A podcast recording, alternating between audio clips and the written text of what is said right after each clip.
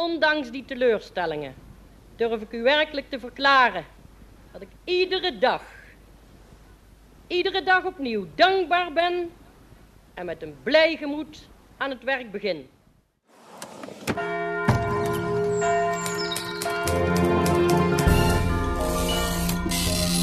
Je luistert naar het geheugen van Brabant. De podcast van het Brabants Historisch Informatiecentrum in Sertogenbos. Dwaal mee door onze archieven op zoek naar de mooiste verhalen van vroeger. Hier is je reisleider op onze speurtocht, Marilou Nillissen.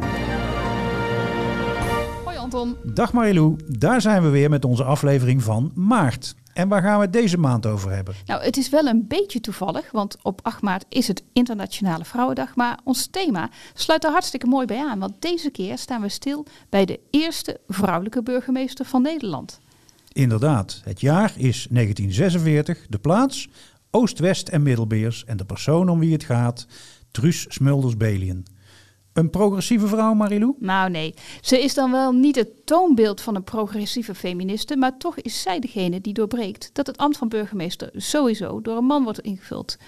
Persoonlijk is ze zelfs tegen huisvrouwen die een beroep uitoefenen. Maar, zo zegt ze, als moeder de taak van vader over moet nemen, verandert dat de zaak. En Truus moet inderdaad die taak overnemen, want haar man, Jan Smulders, is in 1944 als burgemeester van de Beersen door de Duitsers opgepakt, omdat hij weigert een lijst van inwoners te leveren voor de arbeidseinsatz. Hij wordt op transport gezet naar Duitsland, waar hij op 20 april 1945 overlijdt. Nadat Truus dat verschrikkelijke nieuws heeft vernomen, schrijft ze, als weduwe met vier kleine kinderen, aan koningin Wilhelmina. Een sollicitatiebrief en met succes, want ze wordt benoemd. En ze weet al snel op haar eigen wijze invulling te geven aan haar rol als burgermoeder. Het levert haar onder de inwoners de bijnaam Ons Moeder op. Bij haar koperen jubileum spaart de bevolking een dafje bij elkaar voor haar. Maar in Den Haag wordt ze nogal eens als lastig portret gezien. Ja, want voor haar inwoners gaat ze door roeien en ruiten. En als het ergens niet mee eens is, dan laat ze van zich horen. Wanneer bijvoorbeeld een naturistenvereniging een stuk land in haar gemeente koopt om daar te gaan recreëren, laat ze weten dat ze hoopt dat iemand daar de boel in de brand zou steken. Dus achter die gemoedelijke Brabantse moeder schuilt een bijzonder pittige vrouw. Of, zoals de kabinetssecretaris haar in 1945 omschrijft, een sterke persoonlijkheid met een goede ontwikkeling, een helder verstand en met veel overredingskracht. Ja, en een andere krachtige vrouw in het Brabants bestuur is onze huidige commissaris van de Koningin, Ina Adema. Met haar praten we over de vraag wat iemand tot een goede burgemeester maakt, over de verhouding tussen man en vrouw en waarom kinderen nog steeds denken dat een burgemeester toch meestal een man moet zijn. Verder heeft Mathilde in Brabant en Beelden een mooi filmpje en horen we, en dat is echt heel bijzonder, ook de stem van Truus Smulders. Chris en Marilou gaan in Old Case Cold Case in op de vraag waarom niet alle stukken in de zaak Marietje Kessels nog in onze archieven te vinden zijn. Maar nu eerst bijt Margot het spits af met een mooie vondst waaruit blijkt dat het zeker geen vanzelfsprekendheid was dat Truus Smulders de baan van haar man overnam. Vondst van de maand. Want zo vanzelfsprekend was dat helemaal niet, hè Margot? Oh nee, zeker niet. En dat blijkt ook wel uit de vondst die ik bij me heb. En dat is een aanbevelingsbrief van de commissaris van de Koningin. En die is gedateerd 15 februari 1946. En in deze brief wordt Truus Smulders als eerste dame op een lijst met verder alleen mannelijke kandidaten vermeld. om de opengevallen burgemeestersfunctie van haar eigen man notabene op te volgen. Hey, en hoeveel, over hoeveel kandidaten hebben we het dan? Hoeveel tegenkandidaten? Eh 14 tegenkandidaten. Dat zijn allemaal mannen dus. Zo. Ja, ja. En, ehm, maar goed, eigenlijk had de commissaris duidelijk zijn voorkeur voor drie. Oké. Ja. En stond Truus daarbij? Truus stond daarbij, gelukkig, ja. Oké. Ik zal beginnen met eh, wie op de derde plaats eh, stond. Dat was de heer van Hoboken. Ja. En de reden dat hij naar voren is geschoven door de commissaris is omdat hij secretariepraktijk had Mhm. en ook in het eh, bezit was van een diploma gemeenteadministratie. En dan ga ik citeren wat hij verder zei. Voor de eerste en tweede plaats blijven over de twee prominente gegadigden voor de onderhavige functie, mevrouw Smulders, weduwe van de overleden burgemeester, en de heer A.J.M. Smulders, dat is de chef Mhm. Smulders, broeder van de overleden burgemeester. Maar, zei hij daarbij, hij verwacht dat, eh, kijk, de inwoners in Oosterbeers verwachten dat een van de twee eh, benoemd zal worden, hè, dus van Ja. de familie Smulder. Maar ze zouden de voorkeur geven aan mevrouw, omdat ze haar bijzonder waarderen. Oké. Ja. Maar hij zegt, ehm, maar trouwens ook trouwens niet te vergeten, ook de pastoors bemoeien zich ermee. Uiteraard. En zij zitten duidelijk in eh, het kamp Trust. Oh, dat verrast me. Ja, ja, zij zeggen, ja, dat verrast mij ook een beetje. En daarom vind ik het ook leuk om te vermelden. Zij zeggen, ehm, mevrouw Smulders is een persoonlijkheid. Ze is een begaafde vrouw. Ze beweegt zich gemakkelijk in het openbare leven. In het verenigingsleven heeft ze zelfs leidinggevende functies gehad. En voor haar huwelijk was ze onderwijzeres. Mhm. En als burgemeestersvrouw is zij zeer actief geweest in Oosterbeers. Ze kent elk huisgezin en ze wordt bijzonder gerespecteerd. En wat ze er ook bij zetten trouwens, Marilou. Ja. eh, ook haar huishouden zou geen bezwaar zijn zich aan het burgersambt te wijden. Ze heeft vier kinderen van 5 tot 12 jaar. En de oudste gaan naar de kostschool. Dus met andere woorden, dat kan ze makkelijk combineren. Ik vind het een hele progressieve instelling van de pastoors. Ja, want op de kandidatenlijst staat bij Truus als enige vermeld zonder beroep. Terwijl dat eigenlijk niet waar is, want ze heeft wel duidelijk werkervaring. Ja, ja, alleen op dat moment voert ze, Ja. heeft ze geen baan. Ja. Klopt, klopt. Zoals iedere getrouwde vrouw trouwens dat niet had. dat is ook zo. Mm. Ja. Eh, maar goed, eh, de commissaris denkt er natuurlijk weer helemaal anders over. Hij eh, zegt, ik meen toch haar niet in de eerste plaats te mogen aanbevelen. En hij zegt ook waarom. Mevrouw Smulders staat volkomen vreemd tegenover het administratieve werk ter secretarie. En ze kan de leiding daarvan niet op zich nemen. En dan schrijft hij verder dat, nou ja, goed, als burgemeester, die moet ook hoofd van de politie zijn, maar dat lijkt hem geen enkel bezwaar, omdat Oosterbeers vreedzaam is. En verder hij, ja, vergeet niet dat de populariteit van Truus ook te maken heeft met eh, het feit dat de burgemeestersfamilie Smulders zware offers zijn geëist in de bezettingstijd. Want haar man is overleden in het concentratiekamp en haar zwager, hè, dat was de burgemeester van Zomeren, die werd vermoord door de SS. Ja, ja, ja. hey, maar Margot, want jij leest nu het stuk voor van Ja. de commissaris. Hè? Ja, klopt. Maar is daar nou een zinnetje doorgestreept? Ja, klopt. Ja, dat, dat triggerde me ook wel een beetje. Want het is inderdaad doorgestrepen. En ik weet niet of hij dat zelf heeft gedaan of dat na de hand is gebeurd. Maar het is wel belangrijk. Wat staat er? Daar staat in algemene zin immers lijkt het weinig geschikt om een vrouwelijke burgemeester in Noord-Brabant te introduceren in een dorp als Oosterbeers. Duidelijke visie. Ja, nou ja, dan weet je wel, dan weet je wie hij wil. Chef, Chef. Ja. Ja, en hij heeft daar ook zijn reden voor. Hij noemt een aantal argumenten. Eh, nou, op de eerste plaats, wat, waar ik hem wel gelijk in kan geven, ehm, de traditie wordt voortgezet van de, van de heren Smulders. Want ze leveren al vier generaties ja, klopt, klopt. Hij is, de Smulders, eh, chef Smulders is bovendien administratief erg bekwaam. En het is natuurlijk toch een gecombineerde functie, daar heeft hij trouwens steeds over. Hè.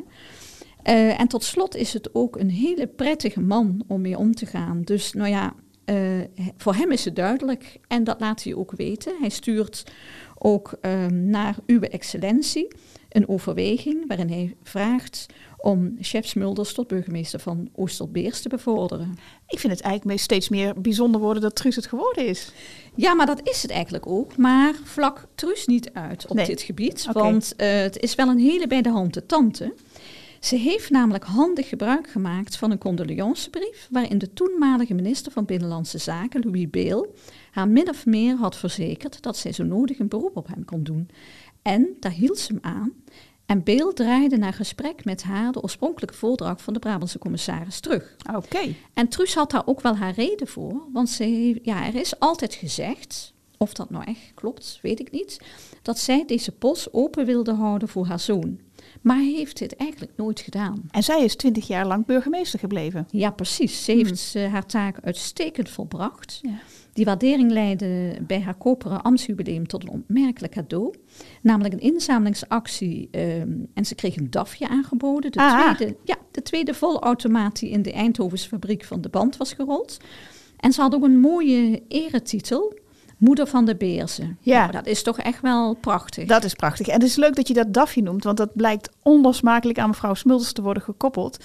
Eh, die komt ook, ook nog op verschillende momenten in deze podcast voorbij gereden. Ook onze hoofdgast, Ine Adema, vertelt hierover. Dat is mooi. Ja, maar eerst gaan we kijken naar bijzondere beelden van een opmerkelijk moment uit het leven van mevrouw Smulders. Brabant in beelden. De noordwesten van Eindhoven ligt Middelbeers, de enige gemeente van ons land met een vrouwelijke burgemeester. Het hele dorp is op weg naar de pastorie om mevrouw Smulders, die daar met haar kinderen twee jaar heeft gewoond, te helpen verhuizen naar haar nieuwe woning, die is opgebouwd op de plaats waar de oude twee jaar geleden in de as werd gelegd. De verhuizing geschiet naar oud gebruik met de overtrek. Dat wil zeggen dat de nieuwe buren hun gerei inspannen om het huisraad en de bewoners te gaan halen. Ja, en Mathilde, die verhuizing hè, in januari 49, die gebeurt op een bijzondere manier, hè? Ja, zoals net al gezegd werd, was dat volgens de overtrek, heet dat. En dat is een hele traditionele manier van verhuizen.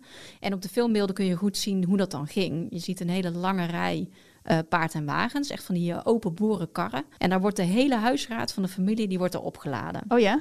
Ja, echt van schemerlamp en fluitketel tot kasten en tafels. Het komt allemaal voorbij. Oké. En je ziet zelfs op een stukje film dat het witte konijn van eh, Kleine Jantje er ook aan moet geloven. En die wordt met hok en al op een kar getild. Maar hij mag wel mee. Hij mag zeker mee, ja. En als al die spullen dan zijn opgeladen, dan mag ook het gezin Smulders zelf op een kar gaan zitten. En dat gaat op de schoonkar, eh, stappen die dan op. En dat is een huifkar eh, die versierd is met bloemen en slingers. En die hele stoet van al die, eh, al die karren, al dat gerei, die gaat dan rijden dwars door Middelbeers. En dat zal een eh, ritje van ongeveer een kilometer zijn geweest. Ja. En het hele dorp is uitgelopen en kijkt toe hoe die verhuizing eh, in gang wordt gezet, hoe ze rondlopen. En veel mensen die gaan ook gekleed in klederdracht. En Polygoon deed daar verslag van. En dan zet de overtrek zich in beweging, begeleid door de dorpelingen.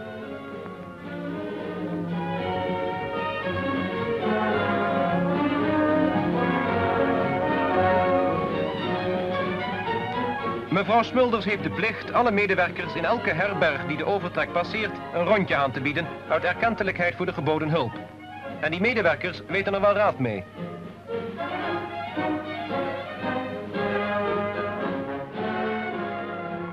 Ja, want het wordt zo te zien een vrolijke boel, hè? Ja, zelfs dat hele optimistische muziekje wat eronder staat. Ja, terwijl het toch eigenlijk achter dit eh, feestelijke beeld gaat toch best een hoop eh, leed schuil. Aangezien deze vrouwelijke burgemeester in een paar jaar tijd niet alleen haar man, maar ook haar huis was verloren. Ja, dat lijkt mij eerder verdrietig dan vrolijk stemmen. Maar goed, eh, de verhuizing die ging dus eh, volgens eh, traditie. En dat het op die manier ging, dat was zo besloten door het plaatselijke Oranje Comité. In de kroeg notabene. Oh, kijk aan. Ja, met, met oudjaar spraken de mannen van dat comité af om klokslag 12 uur allemaal present te zijn bij de pastorie. Met karren en het jonkvolk om te laden en te lossen, te zingen en te drinken. Dus ja, die tra- traditionele verhuismethode die was dus niet per se de keuze van Truus Smulders zelf. eh, net zo min als het moment waarop de verhuizing plaatsvond. Maar het voordeel was wel, stel ik me zo voor, dat juist door dat folkloristische karakter Ehm, en het gegeven dat het om de verhuizing van Nederlands eerste en enige vrouwelijke burgemeester ging. Iets wat in ieder nieuwsbericht trouwens benadrukt wordt. Ja. Dat het landelijke Polygoonjournaal daarom verslag kwam doen. En bij Polygoon waren ze eigenlijk ook wel dol op traditie en folklore. Ze hebben veel van dit soort eh, filmpjes.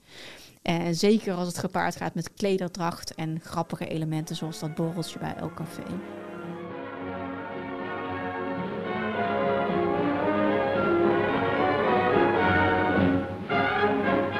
Eindelijk bereikt de overtrek het Ven, waar het nieuwe huis Beek en Bos te pronken staat.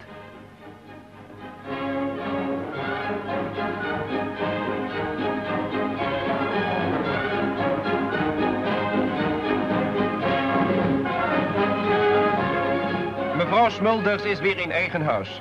Gesterkt door de vele blijken van vriendschap en toegenegenheid, zal zij het werk dat haar in Duitse gevangenschap gevallen man voor haar deed, met onvermoeide energie voortzetten.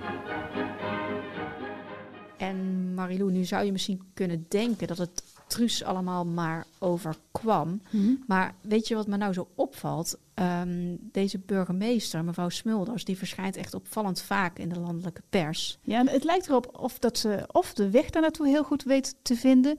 Maar misschien is het ook wel de wijze waarop ze zich presenteert. Hè. Ze is heel ja, authentiek. En dat is natuurlijk wel interessant voor de media. Daar lijkt het wel op, ja. Want zelfs in datzelfde jaar, in 1949, komt Polygoon nog een keer op bezoek in Middelbeers. Eh, met een goede reden overigens, want koningin Juliana en prins Bernhard... die doen dan de drie beersen aan tijdens hun kennismakingstour door Brabant. En daar maken ze ook kennis met Je raadt het al, Truus Smulders. Truus Smulders. Burgemeester Smulders, Nederlands enige vrouwelijke burgemeester, begroet het vorstelijk paar in Middelbeers. Als de burgermoeder koningin Juliana toespreekt, krijgen haar woorden zo recht uit het hart wel een zeer bijzonder betekenis, waar zij in staat is te spreken als vrouw tot vrouw. Ja, dit is wel erg grappig, want we weten dankzij het fragment dat we dadelijk gaan horen in uh, Stem uit het Verleden, dat um, de burgemeester die toespraak eindeloos heeft geoefend voor de spiegel in de, in de slaapkamer. Dus dat recht uit het hart is dan wel uh, heel bijzonder. Eigenlijk deed ze dat dan een beetje zoals wij het misschien zouden hebben gedaan. Hè? Absoluut. Heel, niks menselijks was haar vreemd, zo nee. te horen. Ja, en, en tien, jaar, tien jaar later, in uh, 1958, dan is Truus weer in het landelijke nieuws. Uh, want dan is zij 12,5 jaar burgemeester. En dan komt, ja, dan komt het nieuws uh, weer langs. Maar, maar, maar Mathilde, dan hebben we het weer over uh, Truus Smulders. En wij waren heel benieuwd. Zou haar stem, is dat ook ergens op een fragment bewaard gebleven? Ja, dat zou wel heel mooi zijn, hè? Maar uh, ja. ja. ik heb gezocht. Want ja. Die, die, ja, we hebben het daarover gehad, dat het wel heel mooi zou zijn. Ja. In plaats van dat er over haar wordt gesproken, dat je haar, haar hoort. Mm -hmm. En ik heb uiteindelijk een radiofragment ge gevonden okay. van dat 12,5 jaar jubileum, van het feest daarvan. En daarin horen we Truus Smulders. En ook de local burgemeester toen, local burgemeester Roefs, die vertelt over hoe het voor het dorp was, zo'n vrouwelijke burgemeester.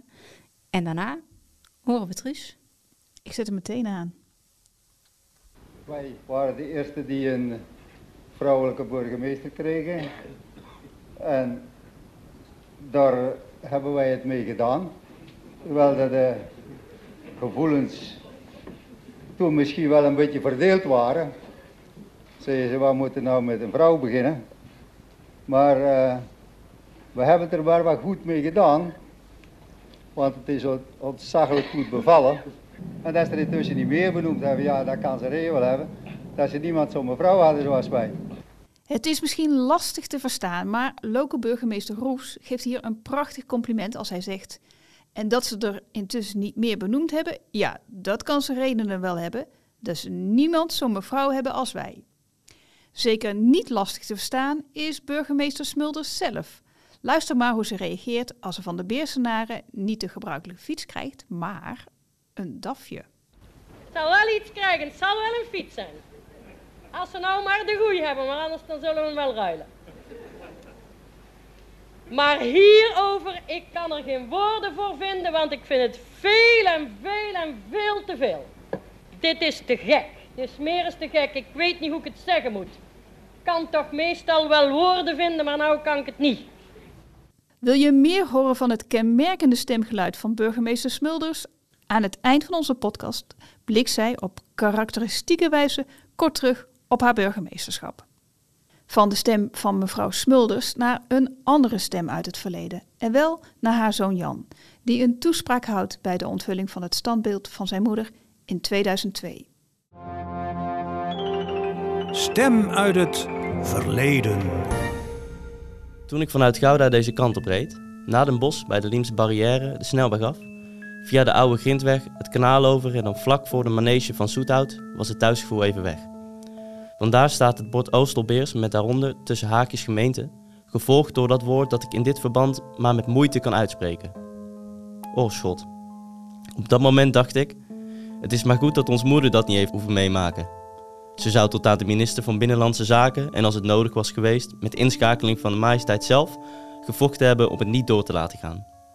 Want Oost, West en Middelbeers was haar gemeente en de mensen die er wonen waren haar mensen. Niet vanuit de gedachte dat zij daar de baas over was, maar vanuit een diep en eerlijk gevoel van verantwoordelijkheid. Want als het ging om zaken die zij van belang achtte voor de mensen, dan was haar niets te veel.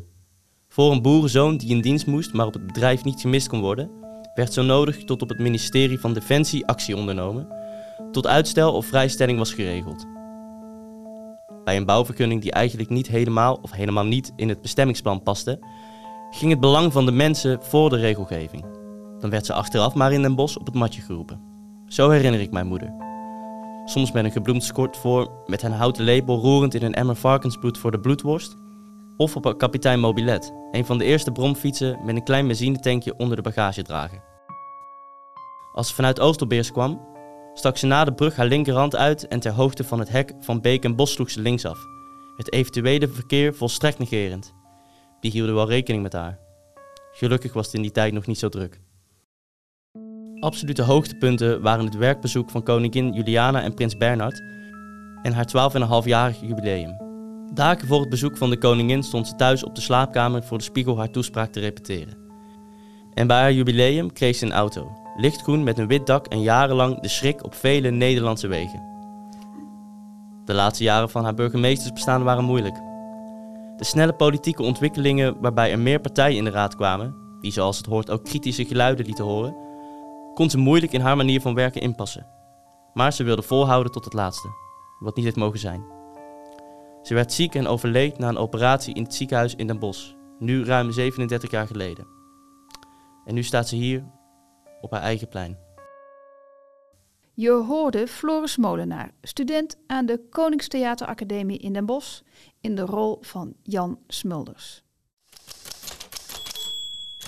In de Brabantse kranten van 100 jaar geleden, van maart 1923, lezen we heel wat berichten over het opstellen van kandidatenlijsten voor de aanstaande gemeenteraadsverkiezingen. De rol van de vrouw komt daarbij regelmatig ter sprake. Dagblad De Grondwet van 13 maart. Roosendaal, RK-kiesvereniging voor gemeentebelangen. Het bestuur had een bepaald systeem van kandidaatstelling uitgedacht dat haars inziens de meeste waarborgen biedt voor de werkelijke behartiging van het algemeen belang. De heer Welling vroeg of er wel rekening was gehouden met het vrouwelijk element. Een stem, die zijn vrouw lief heeft, laat ze thuis. Hilariteit. Dagblad van Noord-Brabant, 17 maart. Dorst, onder Oosterhout. Jaarvergadering kiesvereniging. Donderdag om 7 uur had al hier in het café van Van Gool de jaarvergadering plaats, waaronder kandidaatstelling voor een lid van de gemeenteraad de Oosterhout voor de aanstaande verkiezingen van de RK Kiesvereniging. De opkomst was in één woord slecht. Van de 329 leden was er amper een zesde gedeelte aanwezig, waaronder drie vrouwen. Uur en plaats waren vooral voor de vrouwen minder goed gekozen, wat om den ernst van de zaak jammer genoemd werd. Als kandidaten voor de gemeenteraad worden de heren A. van Dijk en de heer P. Omen voorgedragen. Nog werd door een lid een vrouwelijke kandidaat naar voren gebracht, waarop echter nog niet werd ingegaan. Dit komt wel als de vrouwen eerst wat beter blijken van belangstelling geven. Laten zij hiermede eens beginnen bij de aanstaande verkiezing en komen zij dan eens allemaal, zoals het ook hoort, haar stemplicht vervullen om al zo de mannen ten voorbeeld te zijn. Het huisgezin 22 maart. Zeg toch een bos, RK Kiesvereniging. De heer meester Kolschoten spreekt. Teleurgesteld ben ik door het feit dat de vrouwen zo slecht op de lijst vertegenwoordigd zijn. En dit betreur ik des te meer omdat ik in de kiesvereniging vele vrouwen heb leren kennen, groot van geest en van hart. Gelach. Nu zal alleen mevrouw Browns alle bosse vrouwen hebben te vertegenwoordigen. Bij de behandeling der begroting heb ik gehoord dat de burgemeester, na door haar hulde gebracht te zijn voor zijn beleid, haar dank gebracht heeft voor de tact waarmede zij haar taak als raadslid heeft vervuld. Gaat zij door met dezelfde tact en vertegenwoordigt zij niet alleen de vrouwen van de middenstanders en van de arbeiders, maar ook mijn vrouw, dan zullen we over vier jaar met trots zeggen: zij blijft toch maar onze vrouwelijke vertegenwoordigster, onze Antoinette. Luid applaus en gelach.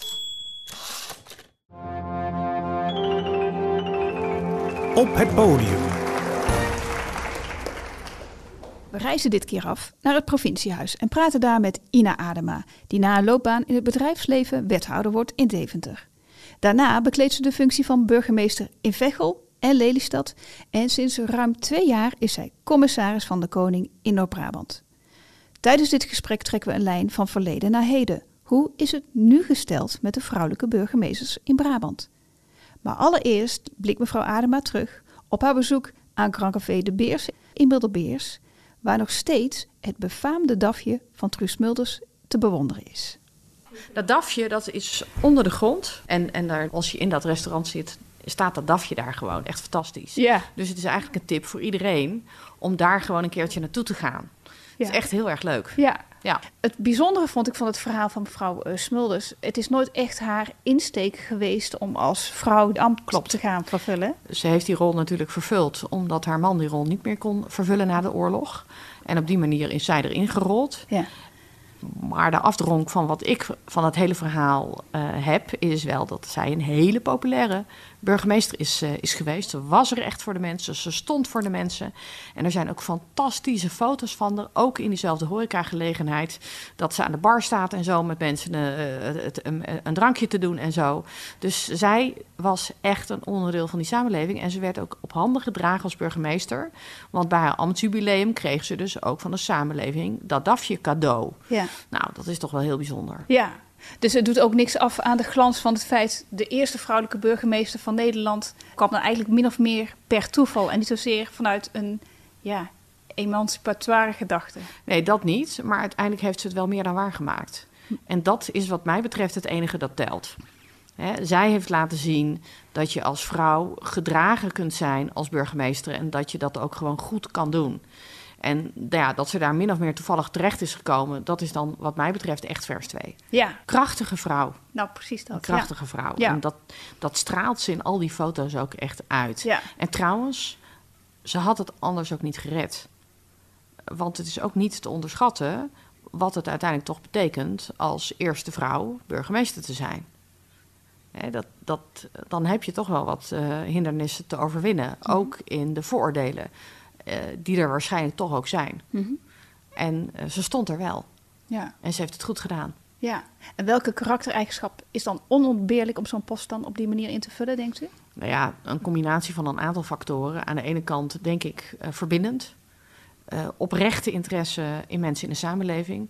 Aan de andere kant moet je ook wel een beetje daadkrachtig zijn. Je moet ook wel besluiten durven te nemen. Dus een combinatie van dat soort eigenschappen maken, denk ik, dat je succesvol kan zijn in dat ambt. Ja, ja.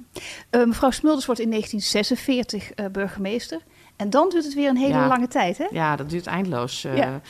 voordat het weer zover is. Ja. we wijken, als ik zeg wij, als in Brabant, een beetje af van de, nou sowieso de omringende provincies, maar ook omringende landen. Toen, hè? Toen hebben we een inhaalslag gemaakt. Ja, die hebben we zeker gemaakt. Want recent is een burgemeesterskandidaat voorgedragen, mevrouw Otters. En als ik die uh, meetel, hebben wij een percentage van 37,5% vrouwen in Brabant uh, als burgemeester. En daarmee zitten we wel weer in een koppositie in Nederland. En is het ook een cijfer dat u tevreden stemt? Nou ja, kijk, uh, tevreden, dat zijn we als het 50-50 is. Mm -hmm. uh, of iets wat in de buurt komt. Ja. Nou, zover is het toch niet. Maar ik moet wel zeggen, dit begint wel ergens op te lijken. En ik ben ook weer niet zo dat het allemaal precies met een, uh, een meetlatje gemeten moet worden. Hè, ik bedoel, kijk, als je, als je tien mensen hebt, nou, dan zijn er vier vrouwen en zes mannen. Nou ja, wat maakt het uit? De volgende keer is het wel andersom. Hè? Dus ja, ja, ja. Uh, daar gaat het uiteindelijk ook niet om. Nee. Zo'n gemeente kijkt echt wel op basis van kwaliteit. Wie is voor ons de beste burgemeester? Ik benadruk altijd wel op het moment dat ik een profielschets in ontvangst neem. Beste mensen, de verhoudingen zijn echt nog niet in balans. Dus ik persoonlijk vind het niet erg wanneer het ook een vrouw zou worden. Dus ik vraag er altijd wel even aandacht aan.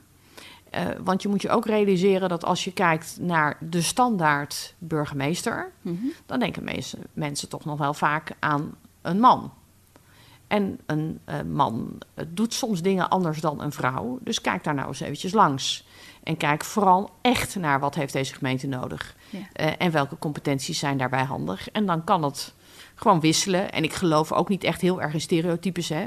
Een man zit, doet zo en een vrouw doet zo. Want zo is het ook weer niet. Uiteindelijk gaat het om de mens. Ja, maar u heeft aan de lijf ondervonden dat het beeld van een burgemeester doorgaans een man is? Ja, kijk, ik ben natuurlijk zelf burgemeester geweest. En het is mij wel gebeurd dat ik met de wethouder onderwijs naar een, uh, een school ging. Met kinderen van een jaar of vijf, zes. En ondanks het feit dat ik die ambtsketen droeg, dachten toch die kinderen allemaal dat mijn mannelijke wethouder de burgemeester was. Ja. Dus in die zin zie je dat zelfs bij hele jonge kinderen ja. vaak al denken dat de man het is. En wat zegt u dan op zo'n moment? Nou ja, dan, zeg, dan zeg ik, of anderen zeggen dat uh, nee, uh, deze mevrouw is de burgemeester, want zij draagt de ambtsketen. En dan zie je de kinderen toch wel een klein beetje in verwarring. Oh, het kan dus ook een vrouw zijn. Ja. Nou, laat dat dan een les zijn. Ja, inderdaad. en een mooie slag om te maken. Ja. Hoe heeft u dat zelf ervaren toen u solliciteerde voor eh Vekkel en later in Lelystad? Eh, Heeft u ooit wel eens het gevoel gekregen dat u zich meer of anders moest bewijzen dan mannelijke eh, kandidaten, tegenhangers? Ja, dat weet je natuurlijk nooit helemaal zeker, want die procedures zijn eh, vertrouwelijk. Dus je weet eigenlijk helemaal niet hoe dat is en hoe dat gewogen wordt. Ik ben in 2001 wethouder geworden en ik was de enige vrouw in het college.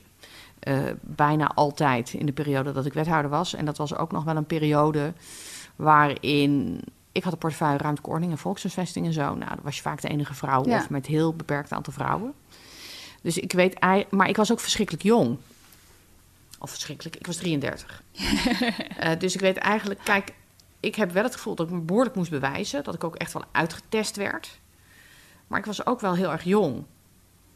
Dus ik weet eigenlijk niet precies wat dat dan is, hè. En toen dacht ik, nou, wat een onzin. Ik ben al 33, maar eerlijk, als ik nu foto's van mezelf zie uit die tijd, dan denk ik, hm, je was wel jong. dus, Ja. dus daar kan het ook mee te maken hebben. Wat Ja. ik wel eh, altijd zie, is dat iedereen altijd zich ontzettend druk maakt over wat vrouwen aan hebben.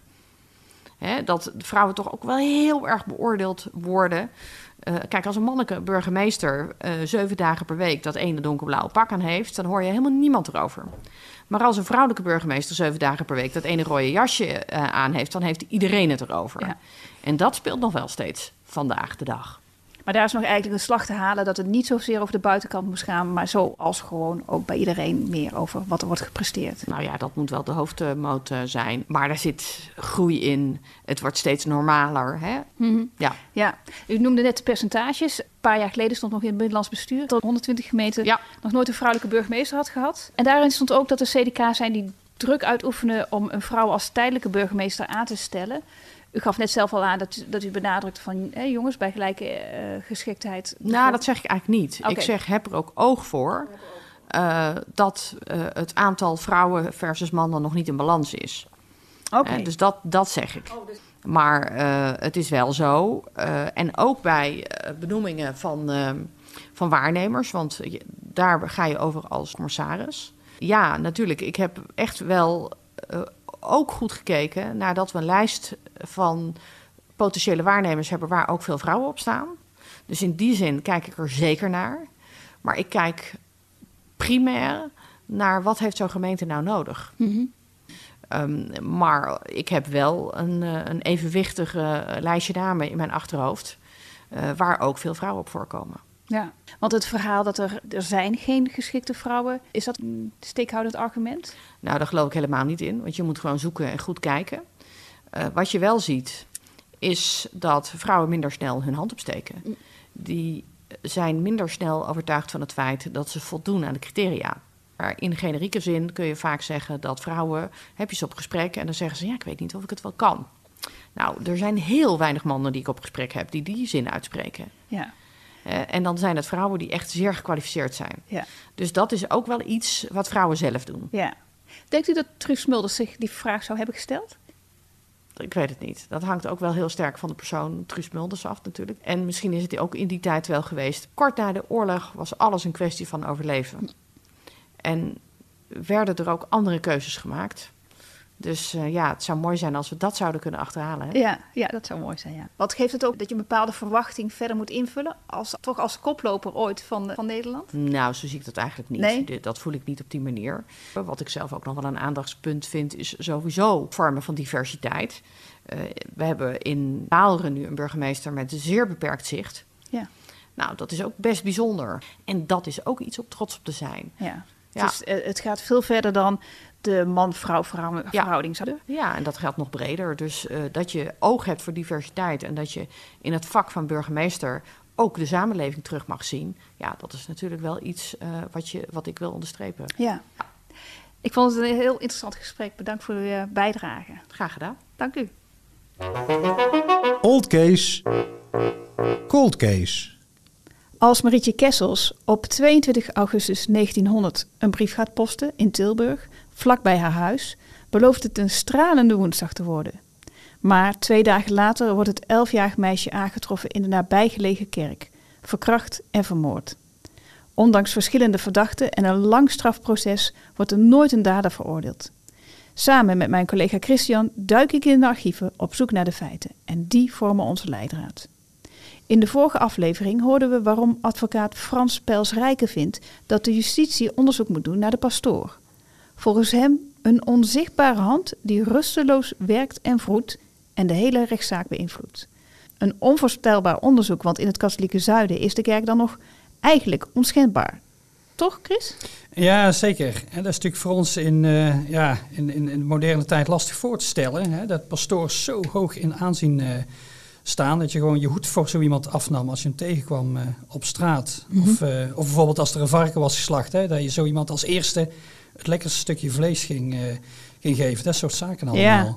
ja, ik ben dan ook heel benieuwd wat er gebeurt als Pelsrijke dit dropt, hoe dat wordt ontvangen. En ik zie nou naast jou al een dijk aan archiefstukken liggen.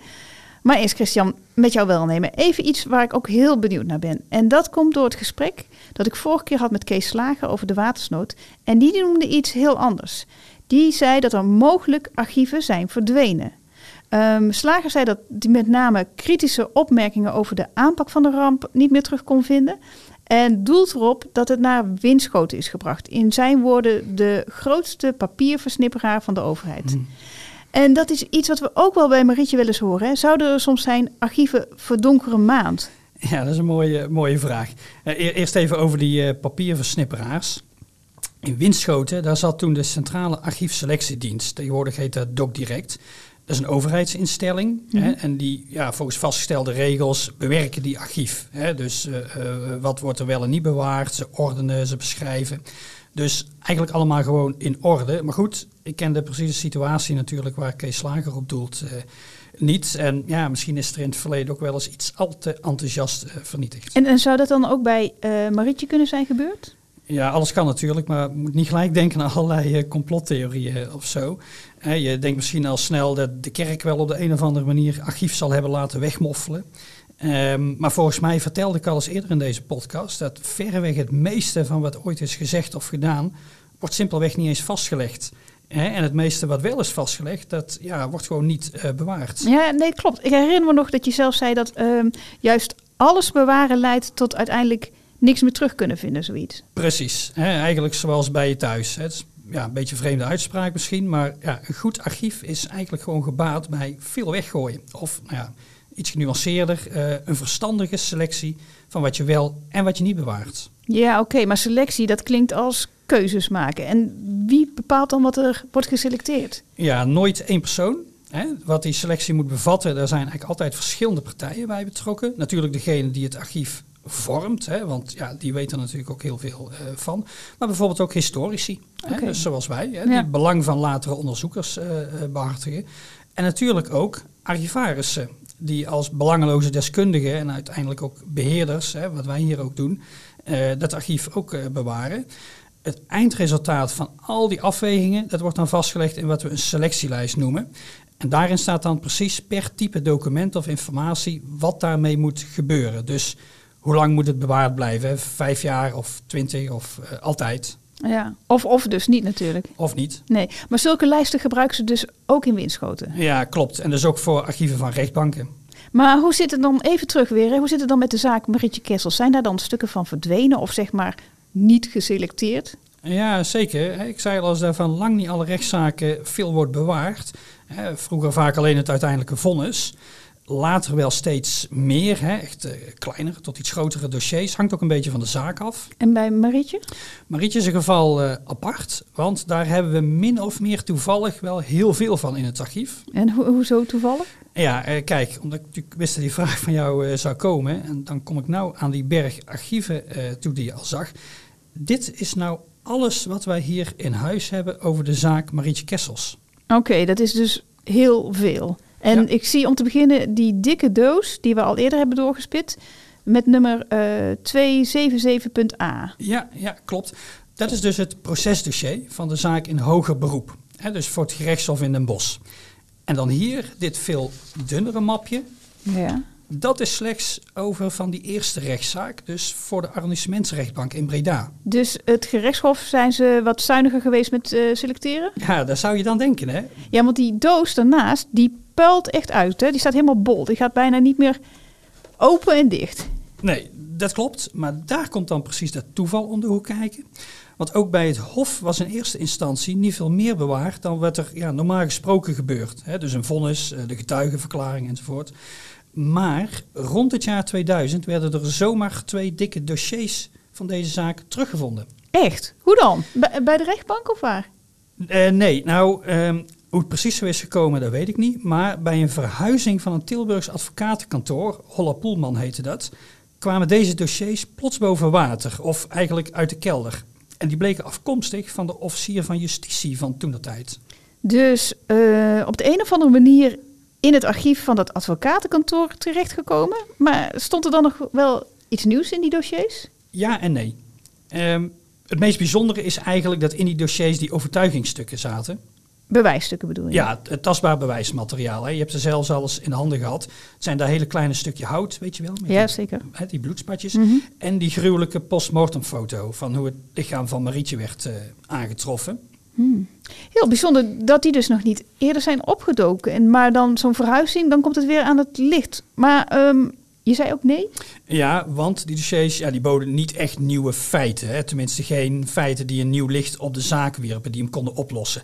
Die advocaten trouwens van het kantoor, die hebben toen ook trouwens nog geprobeerd om die zaak op te lossen Ah. met die nieuwe dossiers. Maar dat lukte niet. En ze Hmm. merkte ook dat er ja, toch nog wel steeds een deel van het dossier miste. Toch verdwenen dan? Ja, dat kun je zeggen. Dus wie weet ooit bij een volgende verhuizing. Eh, maar goed, die dossiers die hoorden daar natuurlijk sowieso niet bij de advocatenkantoor thuis. Dus die zijn dat jaar erop aan ons gegeven. Eh, eigenlijk ontzettend veel toeval allemaal. Inderdaad. Maar, maar wel helder. Dus twee mappen dus van die rechtbanken in Breda en Den Bosch. Waarvan die laatste tot een flinke doos is aangevuld. Met die twee gevonden dossiers erbij. En eh, al die mappen hier, want die herken ik. Die komt uit het archief van Pels Rijken. Ja, dit zijn er in totaal 12. En die eerste hier met nummer 2124, dat is inderdaad de map met zijn processtukken. Die is die handgeschreven pleitnota, zijn aantekeningen tijdens de zitting en zo. Ja, het is sowieso een prachtig eh, ehm, archief om te zien. hè. Een centimeter of twee dik. En eh, met een prachtige map erin. En op die kaf staat, eh, die kaf is al van een soort bruin marmermotief. Ja. En daar staat opgeschreven Tilburgse zaak. Tilburgse met SEH natuurlijk. Vast een eigen handschrift denk ik hè? Ja, zeker. En deze map die bevat verklaringen van getuigen met Pels Rijken zijn eigen notities daarbij. Dus ja, die komt eigenlijk gewoon ja, rechtstreeks van zijn bureau. Hè. Zo voelt het wel hè? Ja, zeker. En weet je, ook van deze dossiers is het eigenlijk heel bijzonder dat we ze in huis hebben. Want die werden pas in 2020 bij ons afgegeven. Dat is dus nog maar pas geleden.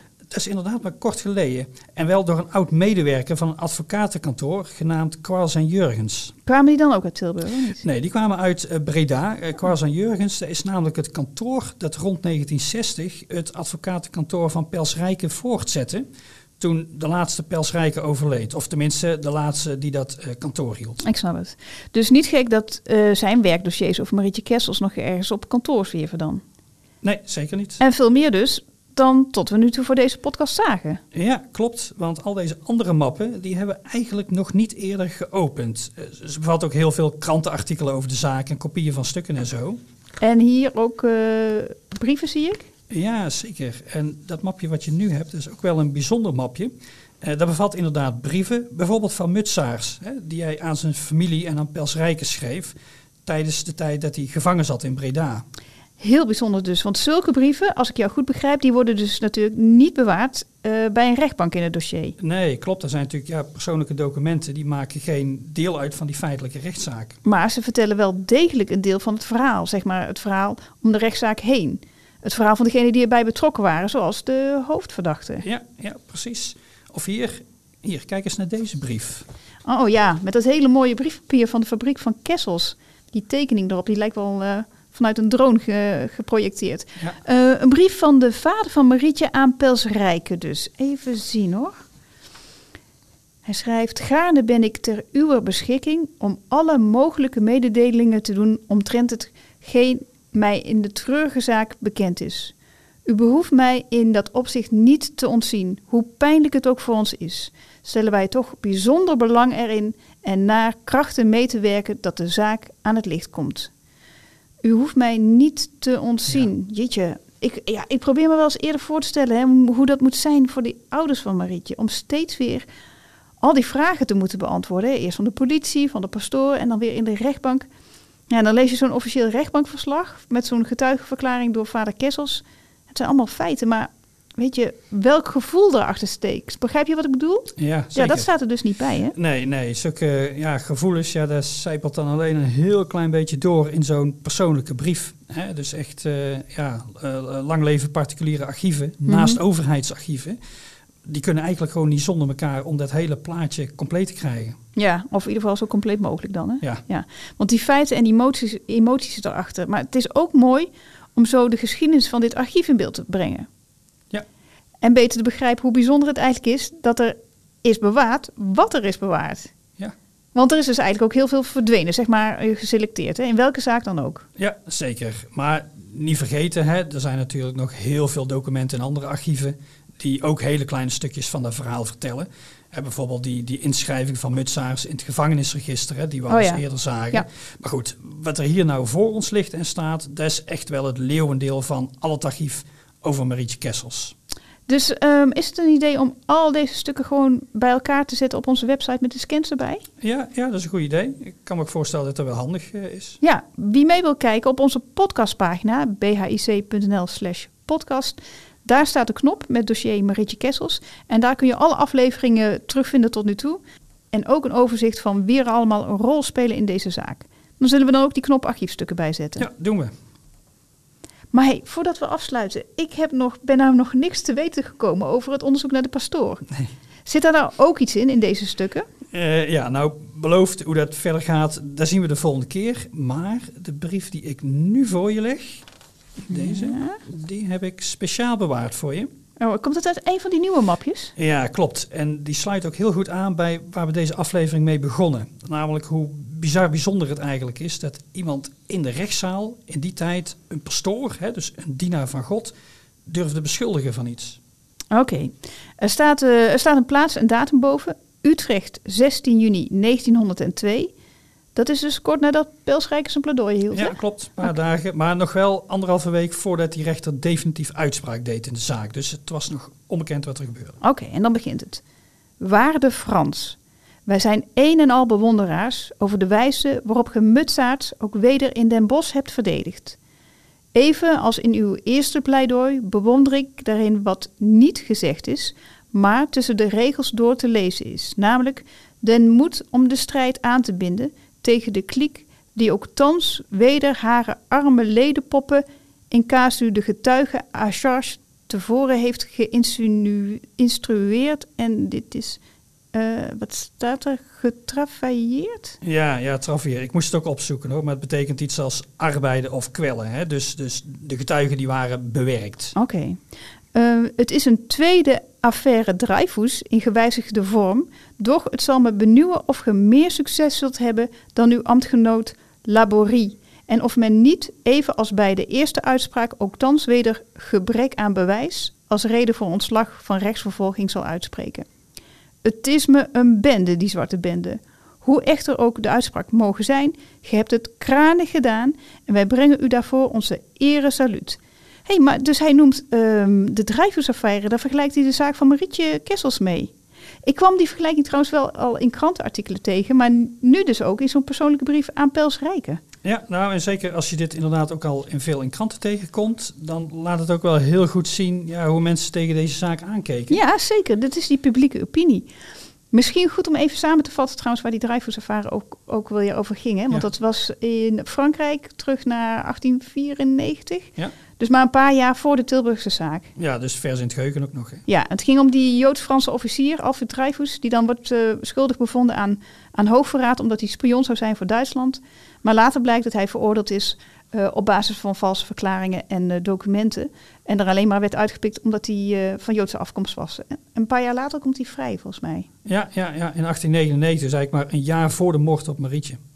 En dus ook een rechtszaak waarin getuigen bewerkt worden, verklaringen veranderd, een onschuldige terecht staat. Maar Chris, wie schreef deze brief nou eigenlijk? Ja, dat is een hele goede vraag. Dat staat hier onder staat de ondertekening. Dat was wel even puzzelen. Maar er staat hier Kuik.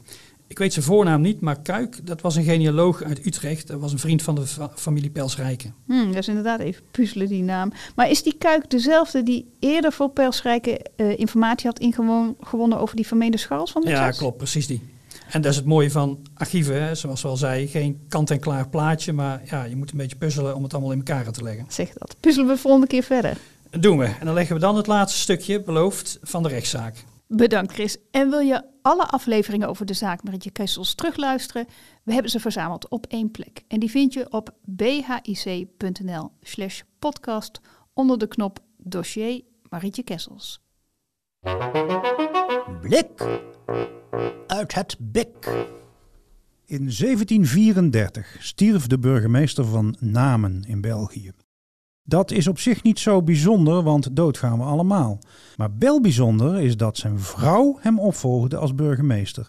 En dat ze die functie maar liefst 15 jaar bleef uitoefenen, met instemming van de lokale bestuurders en van de centrale regering in Brussel. En daarmee is deze mevrouw Malotto, voor zover bekend, de eerste vrouwelijke burgemeester in de geschiedenis. En lange tijd bleef zij een witte raaf. Pas zo'n anderhalve eeuw later vond zij navolging. In 1887 wordt in Argonia in Kansas Susanna M. Salter tot burgemeester gekozen.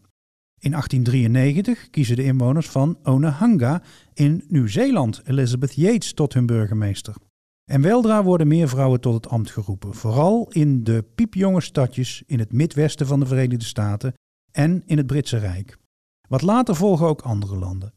België in 1921, Spanje in 1924, Noorwegen in 1926, Brazilië 1928, Turkije en Roemenië 1930, Cuba 1933, Chili 1935, Mexico en Canada 1936, de Filipijnen 1937, Australië en Kenia 1938, Ierland 1939, Namibië 1941, Rhodesië, Zimbabwe 1942, Duitsland en Frankrijk 1945 en in 1946 Italië, Puerto Rico en eindelijk ook Nederland. Tja, de conclusie is duidelijk. Ons land liep op dit gebied bepaald niet voorop. En van een snelle inhaalrace was ook al geen sprake. Want na de benoeming van mevrouw Smulders-Belien in Middelbeers in 1946 duurde het nog maar weer eens 18 jaar tot de volgende vrouwelijke burgemeester. En tot op de dag van vandaag is de verdeling tussen man en vrouw nog bepaald niet in evenwicht. Om een Brabants voorbeeld te noemen, niet Tilburg, niet Breda, niet Eindhoven, niet Zertogenbos. Nee, geen enkele van de vier grote Brabantse steden heeft tot op heden ooit een vrouwelijke burgemeester gehad. Tja, het mogen duidelijk zijn, we stonden in Nederland nou niet bepaald vooraan in de frontlinie van de vrouwenemancipatie in bestuur en politiek. Het zittende patriarchaat van oude, grijze mannen voelde er duidelijk weinig voor om het ambt van burgemeester voor vrouwen open te stellen. En dat zal in andere landen overigens aanvankelijk zeker niet veel anders zijn geweest. Maar in Engeland en de Verenigde Staten was de vrouwelijke burgemeester gewoonweg niet tegen te houden door een combinatie van algemeen vrouwenkiesrecht en verkozen burgemeesterschap. In Nederland en veel andere landen werd en wordt de burgemeester niet gekozen, maar benoemd. En slaagde de gevestigde mannelijke macht er veel langer in vrouwen buiten de deur te houden. In de gemeenteraden daarentegen hadden vrouwen al veel vroeger succes. Dankzij het algemeen kiesrecht, passief en actief, kwamen vanaf begin jaren 20 de eerste vrouwen in veel gemeentes in de raad, ook in Brabant. Zo werd Elisabeth Browns van Bezouw, haar naam viel net al in de krantenberichten, in 1919 namens de katholieke lijst raadslid in Zertogenbos. En dat dat soms spitsroede lopen was, blijkt wel uit een vergadering van de Stratencommissie uit 1924. Hoe zat dat? De Vereniging van Huisvrouwen van Zettergenbos had geld ingezameld om een woning te laten bouwen. Om dit initiatief te eren wil de gemeente de straat Huisvrouwenstraat noemen. Mevrouw Browns maakt hier bezwaar tegen, pleit voor de naam Klimopstraat en begint een gloedvol en toegegeven behoorlijk hoogdravend betoog waarin ze de kwaliteiten van de klimop vergelijkt met de prestaties van de vrouwen. Dat komt haar te staan op een aantal interrupties van het socialistische raadslid Jimmink, die de suggestie Huismussenstraat roept en die de lachers op zijn hand lijkt te hebben, zozeer zelfs dat de hele raad brult van het lachen en bijna niet tot bedaren kan komen. Maar stoïcijns gaat mevrouw Browns door met haar betoog. Veel bijval krijgt ze duidelijk niet, haar voorstel haalt het dan ook niet, Hoon en spot vallen haar ten deel. Enkele dagen later deed tekenaar Herman Moerkerk daar nog een schepje bovenop met een, overigens prachtig getekende spotprint. Een spotprint met als onderschrift De bossenmaagd Climopatra bladert in de verslagen van de gemeenteraad.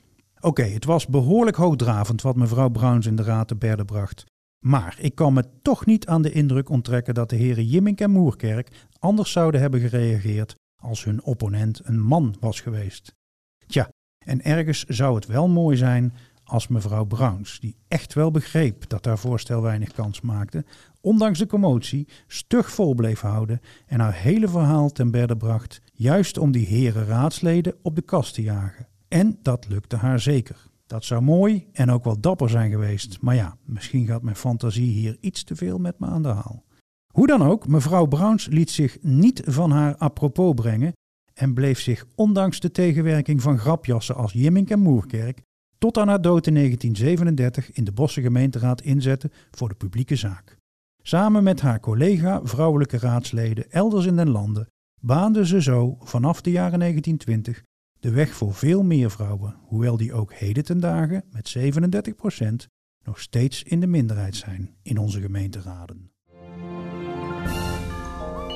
Nou, dat was hij weer. Vond je deze aflevering leuk? Like ons dan of laat een review achter in je favoriete podcast app. Of mail ons podcast@big.nl. We zijn altijd benieuwd naar jullie reacties. En Marilou, waar gaat onze bonus over twee weken over? Nou, die gaat dan over de voorganger van burgemeester Smulders-Belien. En dat is inderdaad haar echtgenoot Jan. Die zelf al bijna twintig jaar burgemeester was van de Beersen. En in de oorlog zo tragisch aan zijn eind is gekomen. Maar zoals beloofd, het laatste woord is aan burgemeester Smulders zelf. Zoals zij in oktober 1958 bij de AVRO op de Nationale Radio te horen was ter ere van haar 12,5-jarig ambtsjubileum. Wel, laten we tenslotte deze reportage besluiten met nog een enkel woord van mevrouw Smulders, sprekend over haar ambt van burgemeester. Ik ben hier ontzaglijk blij mee geweest. Rijk. En ik durf u gerust te zeggen, dat is een bekentenis. Ondanks de teleurstellingen. Want die heb ik natuurlijk ook ondervonden. En die horen erbij bij het leven. Ondanks die teleurstellingen. Ook in het ambtelijke werk durf ik u werkelijk te verklaren dat ik iedere dag, iedere dag opnieuw dankbaar ben en met een blij gemoed aan het werk begin. Slechts één keer had ik een teleurstelling zo groot dat ik dacht te moeten gaan. Maar later heb ik begrepen dat ik geen uur ergens anders op aarde meer gelukkig zou hebben kunnen zijn.